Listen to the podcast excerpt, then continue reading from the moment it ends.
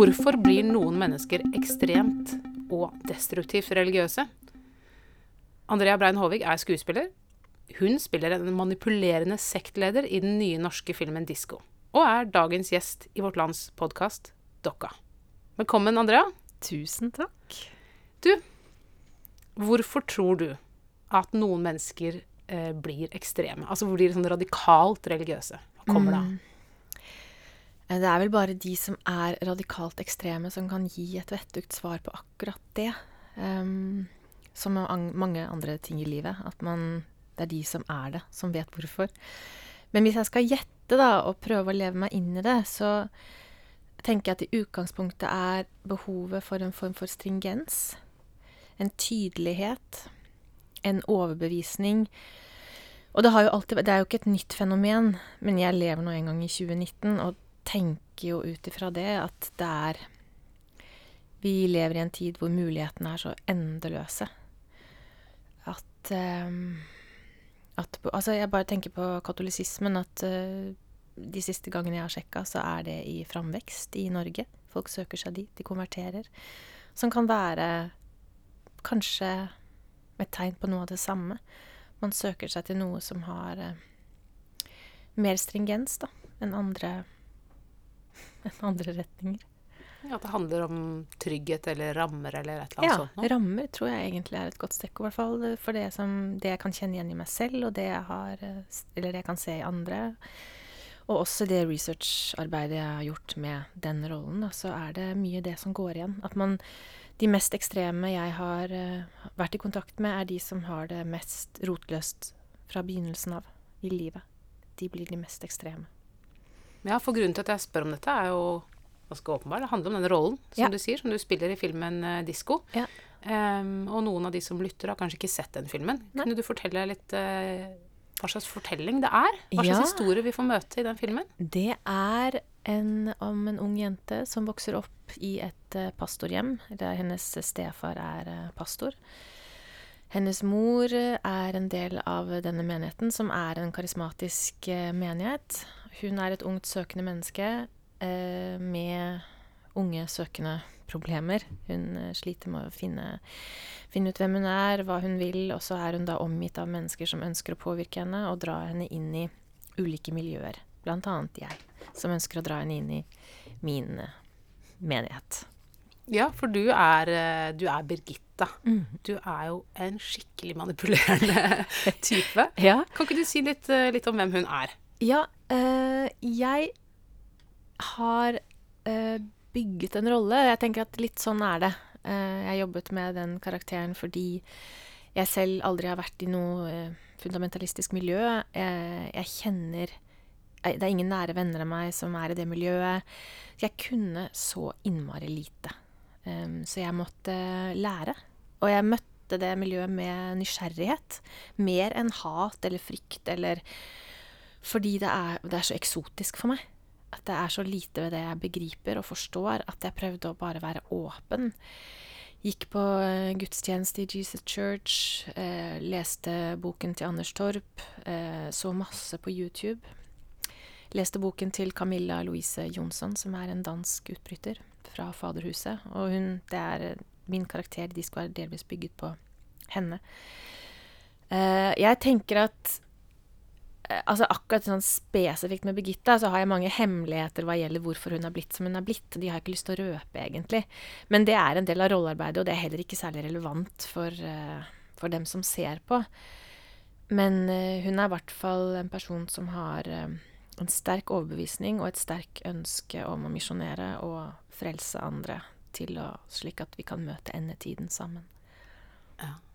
Og måten eh, hun eh, tilnærmer seg Miriam på, er jo Sånn som jeg leser det, da. Ja. Det er jo en eh, så, så har hun på en måte valgt en strategi som ligger ganske langt unna det som hun driver med i menigheten. Ja, Og det er interessant når du ser på um, at det er en sånn diskrepans mellom liksom, reklamekampanjen og det arbeidet som er det faktiske arbeidet. At Mm. Ja. det, er, det er ikke helt sånn overensstemmelse mellom de to tingene. Ja. Vet hun det selv? At hun ljuger, på en måte? Nei, jeg tror ikke hun tenker at hun ljuger, men hun er smart nok til å vite at uh, man må lokke med noe søtt for å kunne avstraffe eller å gå dypere. Så hun uh, Men jeg tenker at hun har begge deler, da. Um, hun har det milde, som gjør at hun uh, Altså denne, denne sommerleiren som vi møter Miriam i, som hun leder, er jo et sted hvor mange, det er mange barn og mange ungdommer der. Eh, og det er jo ensbetydende med at hun tilbyr noe som noen ønsker å delta på. Og hvis hun hadde vært helt sånn kokos fra første stund, så hadde det verken vært interessant å se på eller å spille eller troverdig, tror jeg. Mm. Fordi eh, alt jeg har sett fra det miljøet, er mennesker som eh, har eh, mye, mange ulike sider, da. Også de som kan friste og lokke og overbevise på en mild måte. Jeg vet at du har sagt i intervju før og har vært opptatt av at skuespilleryrket, det er ikke bare å Eller det er ikke utelukkende å være en håndverker. Det er ikke utelukkende å gjøre en, eh, liksom en liste med ting, men det er også å være kunstner. Ja. Det er også å gå inn eh, med en del av seg selv som, Mm. hvor du gir noe som er Ja. eh, ditt eget inn i en rolle. Mm. Kan du si noe om hvordan det har påvirka denne prosessen din? Jeg syns det var faktisk en veldig Det ble mye mer ubehagelig enn det jeg trodde. Ehm, ehm, ja, for eksempel så, så er det en, det er en lavbudsjettfilm. Eh, det vil si at sånn eh, makeup, hår, kostyme og alt sånt var veldig nedskalert i budsjettet. Brukte penger på andre ting. Eh, sånn at vi ble oppfordret til å eksempel ta med tøy hjemmefra. Sånn, jeg har ikke bare egne klær, men jeg, har, jeg bruker f.eks. en bluse som var min, og den har jeg ikke klart å Jeg har prøvd å farge den, prøvd liksom, men den, den kan jeg ikke bruke. Så det var veldig mye med den karakteren som jeg var utålmodig etter å kvitte meg med da vi var ferdig. Det var ikke Altså, det var jo en Det var, en røff, det var noen røffe innspillingsdager på den sommerleiren med alle de barna, som jeg jo er, eh, er veldig røff med. Um, men jeg ble overrasket over hvor eh, ubehagelig jeg syns det var. Jeg, jeg måtte jo jobbe ekstra hardt da, for å forstå denne karakteren. For ofte er det ganske lett for meg å forstå veldig mange typer folk. Fordi jeg har alltid ment og mener Det er noe av måte min sterkeste drivkraft som skuespiller, er at vi inneholder absolutt alt, alle sammen. Det er ingenting som er nytt under solen. Jeg har en sånn pervers glede av å, å spore opp dokumentarer om ekstreme miljøer. Eh, ikke, de for, ikke de forferdelige ting, men eh, eksempel så så jeg nylig en dokumentar om et bodybuilder-miljø. Jeg lurer på om det var i Canada, hvor det er transseksuelle eh, Altså det er en, en bitte liten minoritet da, som konkurrerer med hverandre. Eh, med de mest fascinerende kropper, som jo er resultat av mye doping og alt mulig. Um, og, og jeg blir helt sånn så, så hvis en regissør sier til meg, eller et publikum, eller hva som helst, og sier sånn 'Det der er ikke troverdig', så tenker jeg sånn Det er det! Alt fins. Ja, alt fins. Men- alt fins i deg, liksom. Ja, Ja. alt fins i oss. Uh, men akkurat med dette rollearbeidet så følte jeg at uh, der var det ting som jeg uh, måtte gå mange sånne kriker og krokveier altså, for å finne ut av. Eh, for det var så mye jeg ikke forsto, og som jeg heller ikke forstår den dag i dag. Men jeg prøvde å finne da hennes motivasjon og eh, barndom, oppvekst, alt sånne ting som jeg bygget veldig nøye for å kunne tro på det selv. Det gjør jeg jo alltid, men denne gangen var det ekstra krevende. da. Um, du nevnte at du har vært på gudstjenester og sett på YouTube osv. Lest eh, bøker. Hva, hva er det du så på YouTube? Hva, hva søkte du på for å finne ut uh, Eh, Prekener. prekener? da? Mm. Av, altså, så du så, så Karismatiske ledere som preker. Mm. Eh, eh, eh, en av de som blir klippa inn i Ja. filmen, er jo han Hva heter han? Steven Furtick? Er det det heter? Eh, ja, er det ikke det han heter? Jeg syns jo det var utrolig fascinerende å se filmen og se han. Han er jo en fantastisk predikant. Fantastisk. Eh, så jeg ble nysgjerrig og, og sjekka det litt mer ut. Men også veldig skummel. Veldig intens. Veldig karismatisk. Ja, men det gjelder jo Ja. mye av det der. De er helt utrolig karismatiske, rett, i ordets rette forstand. Ja. Eh, og kjempeskumle. Det, De er alt, apropos det vi akkurat snakket om. Ja. Mm -hmm. um, har du Du sier at du ikke har, selv har, har eh, erfaring med de formene for kristendom som, mm. som vi får se på lerretet her. Um, men du har, eh, du har andre typer kristelige erfaringer. Du ble selv mm. døpt i den kirka som Jesus Church Ja. leirer. Ja, i i Markus kirke. kirka, da jeg var 24. Ja. Mm. Men, det, men så, så hva, hva har vært din liksom hva slags type gudstjenester og fellesskap har du oppsøkt? Um, jeg har vært veldig mye i Tøyenkirka gjennom Kirkens Bymisjon. Det er på en måte den kirka jeg føler meg nærmest. Uh, og det er mange grunner til det. Uh, men uh, der er jeg alltid rikere når jeg går ut igjen. Og det For meg er det litt av målet med en preken. Det er ikke nødvendigvis å slappe av eller Det er ikke sosialt samvær, f.eks. Um, jeg er ikke ute etter noe av det, men jeg er Ja, jeg er eh, ute etter å bli beriket, da. Det, og det blir jeg ofte der. Ikke bare av prekenen, men av salmesangen, av uh, menigheten, av lystenning. Og da føler jeg at jeg er verdt den tida i rommet. Føler du at det som du har mm, der, er i slekt med det som Miriam erfarer i, i disko, i de forskjellige menighetene eller sammenhengene hun er med i? Eh, jeg vil tro nei. Men jeg er ikke Miriam. Jeg spiller ikke Miriam heller. Men uh, det er jo så veldig, veldig annerledes at jeg vet ikke hvor jeg skal begynne. Og det har jo vært ubehagelig for meg som eh, at folk eh, Noen vet jo at jeg er troende, og da knytter denne rollen opp til at hvordan er det for deg? Eller eh, du forstår sikkert Birgitta bedre, Ja. siden du er kristen. Og da tenker jeg at det kanskje nok er enda verre for meg. At det er en av grunnene til at jeg syns det var så ubehagelig. Og at det kom litt bakpå meg, på en måte. Fordi at uh, i researcharbeid og sånn, så var det ingen, ingen tangeringspunkter, egentlig. Jeg kjente ikke igjen noe. Og jeg jobbet på samme måte som det skulle vært en IS-soldat. Altså, jeg kjente miljøet like dårlig, på en måte. Men, men så tok det meg jo igjen allikevel eh, at eh, i den scenen hvor jeg eh, Ja, hvor jeg er på sommerleiren og snakker om å, at vi skal åpne oss for Herren og alt dette her, så, så var det jo et sånt bitte lite sted i meg som tenker at ja, men så fint hvis vi kan åpne oss for Gud, på en Ja. måte. Ja.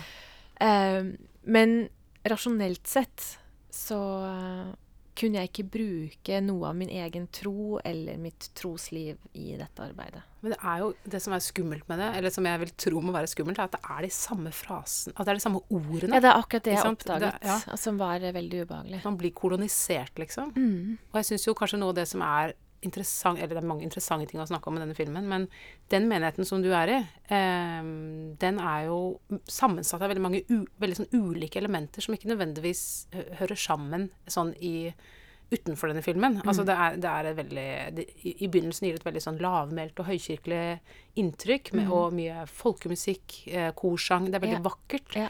Veldig nedstrippa. Og Samuel, Veldig rent, som, på en måte. Veldig rent, ja. Ikke Ja. sant? Og Samuel som du er eh, gift med i filmen, Ja. eller som Birgitta er gift med i filmen, mm.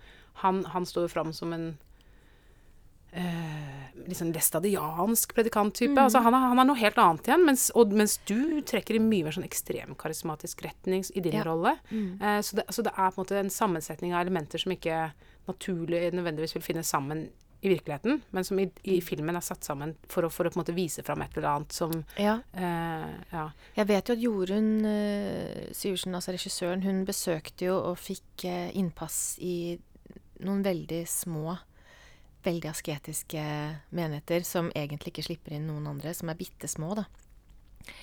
Som jo ligner eh, veldig mye på det vi ser. Eh, og hun har jo drevet research i flere år, men det er klart at hun har jo laget en slags miks av Så det er jo ikke sikkert at At akkurat Birgitta og Samuel sin menighet har sin like helt sånn nøyaktig. Men det tenker jeg jo er eh, at mm, det er der kunsten kommer inn, da. At vi skaper vår versjon, i og med at det ikke er en dokumentar. ja. Og at uh, Noen som ser den, tenker sånn at det er eh, morsomt, men uh, det er jo ikke helt sånn det er. Men det er jo sånn det er. Ja, og jeg tror jo at alle elementene er sanne. Det Ja. tror jeg jo absolutt på. Mhm. Jeg bare merka at jeg ble veldig overraska av å se dem satt sammen på den måten. Ja. Uh, men det tenker jeg at du har rett i, at det er, det er en måte å vise fram ekstremitet på. Mhm. Og også det med at vi blir overraska, at det er et Ja. element i det. Det er et element i det. Ja. Men, denne, men hun Camilla Louise Jonsson, som har skrevet 'Svært barn har mange navne', har jo vokst opp i um, Hun ble, kom på spedbarnshjem, så hun har på en måte eh, vokst opp Vært manges datter. Sånn at hun har byttet navn f.eks. mange ganger. For at hun har blitt adoptert av flere, og da eh, gått fra én menighet til en annen. Den ene mer eh, ekstrem enn den andre.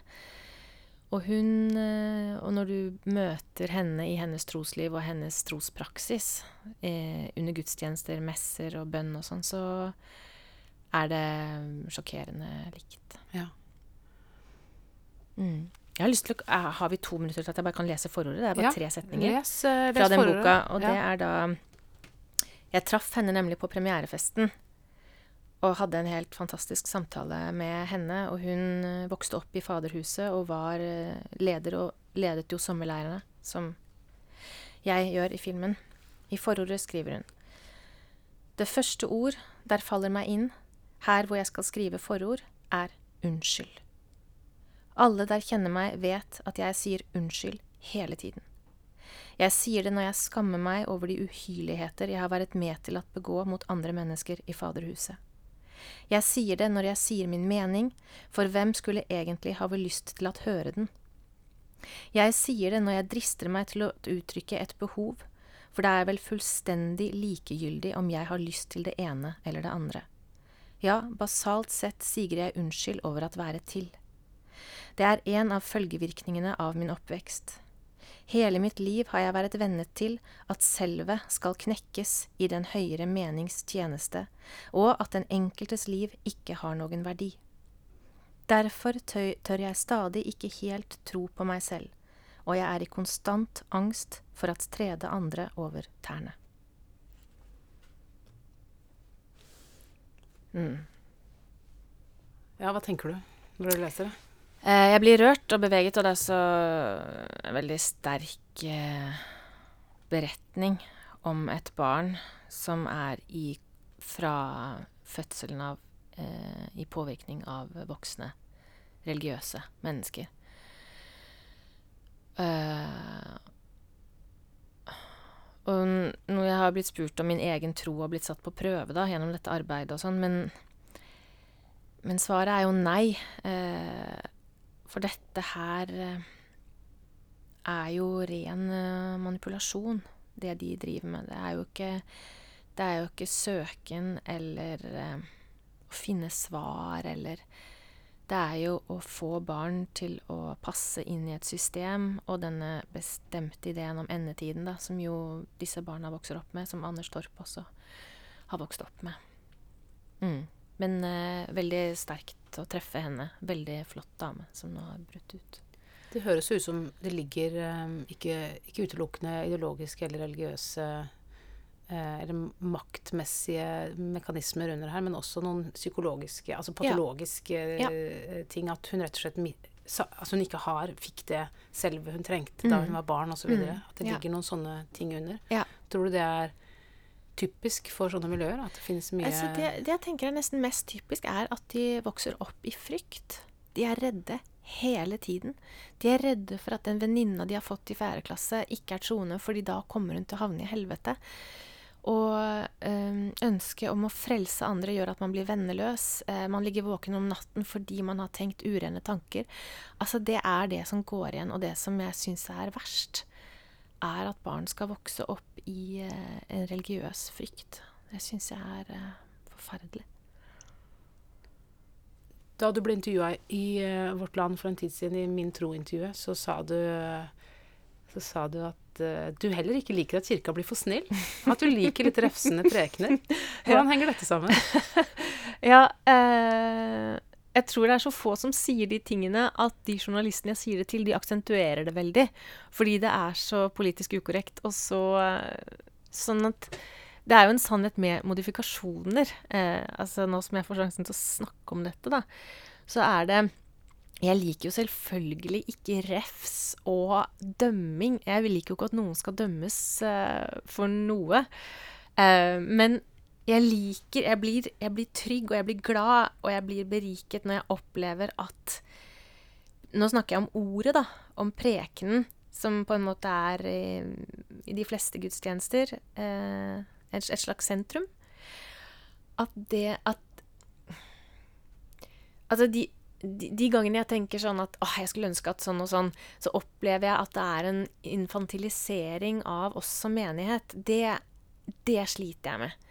At da kan jeg føle meg snytt for en sjanse til å få noen nye tanker, eller um, Samtidig som jeg har jo uendelig forståelse for den presten som står der, ser utover en menighet med uh, utviklingshemmede, barn, gamle, hørselshemmede Altså det, det kan være alt mulig.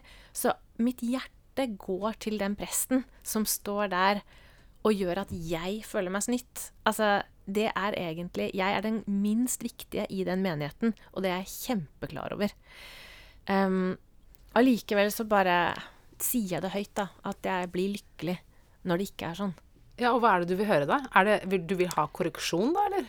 Nei, jeg vil, jeg vil, jeg vil høre eh, bibelteksten eh, belyst eh, med alt det ubehaget som også kan føre Altså, det, det, fører jo med seg masse ubehag, mye av de tekstene, men de står nå en gang der.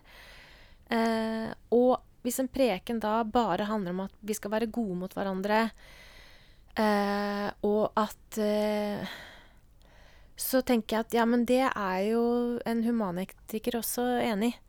At jeg ønsker at man Men igjen, altså. Har full forståelse ja, ja. for at det er vanskelig. Eh, men at, at, kirka skal være kirka, da, og ikke et sted for uh, nestekjærlighet alene. For det er det så mange andre som tar veldig godt vare på i samfunnet vårt. Heldigvis. Så det også. Men hvis det i tillegg da kan være noe å bryne seg på, så blir jeg glad.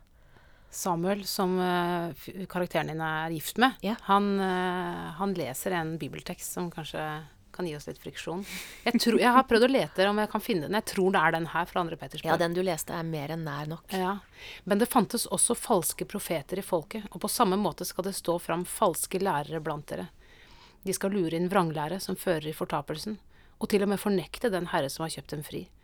Dermed fører de raskt seg selv i fortapelsen. Mange kommer til å følge dem i utskeielsene deres, og på grunn av dem vil sannhetens vei bli spottet. De er grådige og farer med dikt og bedrag for å slå mynt på dere. Men de har alt lenge hatt dommen hengende over seg, og fortapelsen ligger og lurer på dem. Ja, det er med fortapelsen igjen, altså. Det, ja. Uh, det er ikke min uh, Det er ikke det som pirrer mest, de, de, tekstene der. Det er en friksjon du ikke liker? Jeg liker og ikke liker. Altså, det er ikke så interessant hva jeg liker. Men um, um, Men det der blir uh, det, det, gir meg ikke så mye. Altså uh, alt sånn snakk om fortapelsen og sånn, da, da, faller jeg av, rett og slett. Og det er jo helt subjektivt og individuelt hva som pirrer oss, og hva som gjør at vi i den andre enden blir et bedre menneske, da, eller et klokere menneske. At vi blir bedre, snillere mot, selv, mot, mot oss selv eller andre, eller at vi forstår noe nytt, eller Det er jo subjektivt. Men, um, men det der er ikke så um, det, det, tar meg ikke så veldig. Det er jo Jeg tenker at eh, det ligger jo um, Sånne type tekster handler jo også veldig mye om hvem som formidler det. Fordi mm -hmm. at eh, vi kan, jo, vi kan, jo, lese den teksten her og tenke at ja, men det gjelder jo Birgitta. Det er Birgitta som er vranglæreren. Mm -hmm. det, eller det er han derre TV-pastoren som ja. er eh, den som er grådig, ikke ja. sant? og som, ja. som uh, stjeler fårene. Men i munnen til uh, den ekstreme så blir disse ordene uh, noe helt annet. Altså de, de, de, de, ser helt annerledes ut. Mm. Um, så, så, det jeg tenker at det, det ligger jo Det ligger jo et sånt maktperspektiv her også, med altså hva Hvem er det som får snakke snakke? Hvem mm. er det som får bestemme? Hvem, ja. det, hvem, sin stemme er det vi hører? Hvem, ja. Er det noen eh, Jeg syns f.eks. at det er interessant at uh, i denne filmen da, at Miriam nesten aldri sier noe selv. Ja. Hun kommer ikke til orde. Nei. Hun blir ikke spurt Nei. på ordentlig. Nei. Eh, det er hun blir ikke regna med helt. Mm. Og at uh, Det er det som er skummelt, da. Jeg syns jo alle mennesker som tror de har svaret, er skumle. Eh, det syns jeg er nifst. Jeg syns det er skummelt med mennesker som har en idé om hvordan andre mennesker bør leve. Eh, det er fundamentalisme for meg, egentlig, i seg selv. Um, og det er jo Altså, folk jeg liker og respekterer i, i det kirkelige miljøet, kan jo si ting som, som sjokkerer meg. Um, og da vet jeg ikke helt Da har jeg ikke helt klart å finne ut om jeg skal De gangene det har skjedd, så har jeg feiga ut. Eh, eh, eller gått i et annet rom, eller tatt en pause, eller eh, Det har ikke skjedd så ofte, da, men det har skjedd. Og da har jeg angra litt etterpå. Ja, hvis det kommer altså, til pride eller Ja. At man skal bry seg om hvem andre elsker og sånt. Da blir jeg så bekymra. Blir jeg så lei meg, rett og slett. Det syns jeg er så langt unna. Ja. Det var et sidespor. Nei, men det er et fint Um, sidespor. Og det med tro, da, som jeg har tenkt på fordi jeg skulle hit Jeg vet ikke, Var vi ferdig med å diskutere den svovelteksten? Vi kan gjerne gå videre fra svovelteksten til troen. Fordi Mm. tenkte siden jeg skulle hit, denne kristne gata, Grubbegata um, Og det der med tro og det er, Jeg har jo blitt spurt uh, oftere enn normalt om det i forbindelse med denne filmen. Og, da, eh, og så tenker jeg at jeg, det, er, det er ikke et valg for meg. Eh, så det er ikke noe sånn at jeg velger å tro, eller Jeg bare gjør det. Det gir, det gir ikke noe eh, Det er ikke noe mindre rasjonelt eller noe Det er ikke fordi noe. Det er ikke fordi det gir meg trøst, eller fordi det gjør meg sterk, eller noe sånt, som også er en sånn klisjé. Det gjør egentlig ingen av de tingene. Jeg bare Det er bare noe jeg gjør fordi jeg ikke kan la være. Noe annet gir ikke mening. Akkurat som at de ikke-troende Det gir ikke mening å tro da, på Gud. Så Ja, det er, det så mange ting som jeg ser og opplever som Ja, også vitenskapelige ting som styrker troen, da.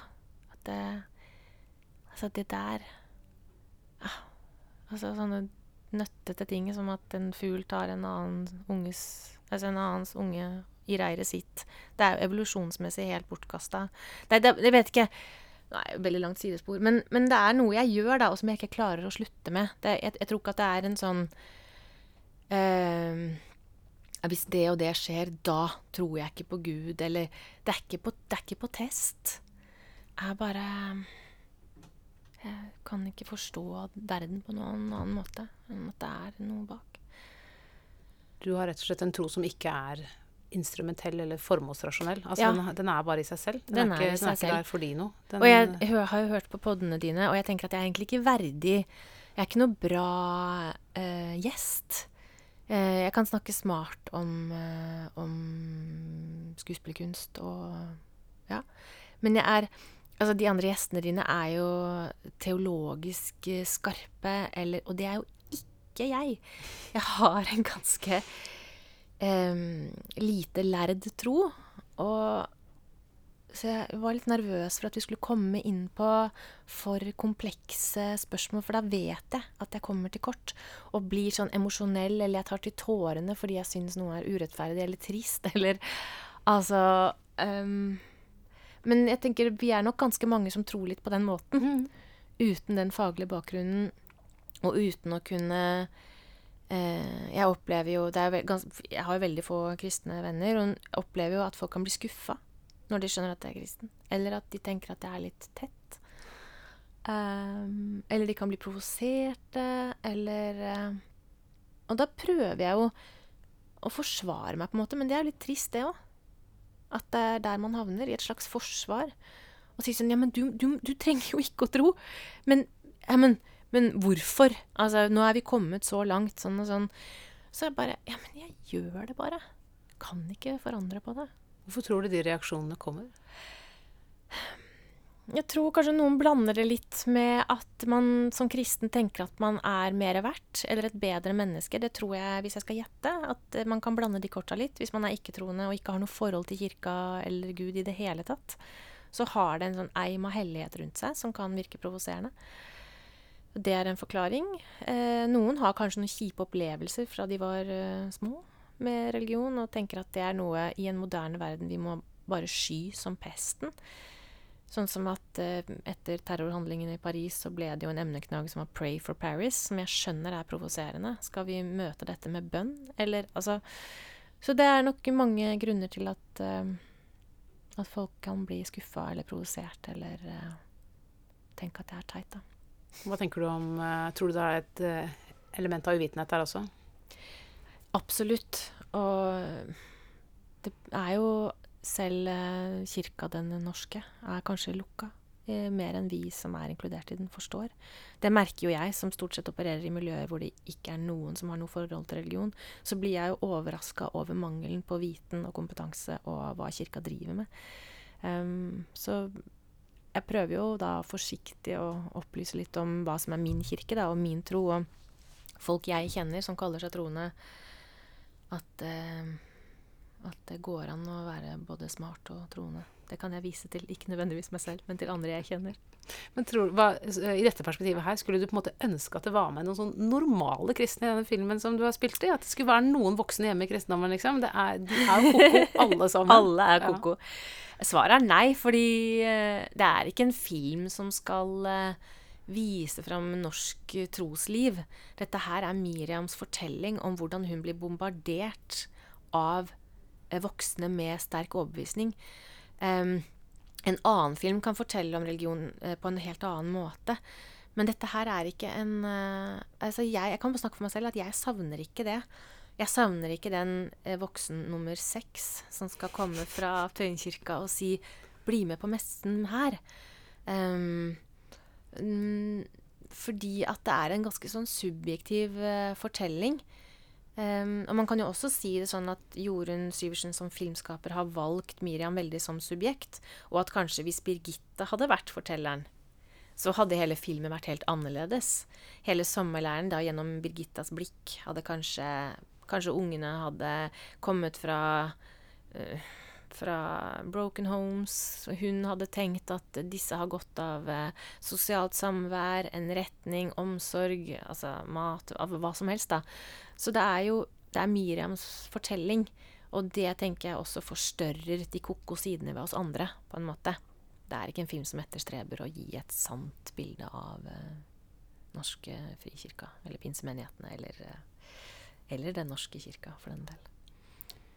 Jeg tror vi gjør det til siste ord, Andrea. Mm. Tusen takk for at du ville komme hit i podkasten. Takk for at jeg fikk komme. Produsent har vært Sondre Bjørdal.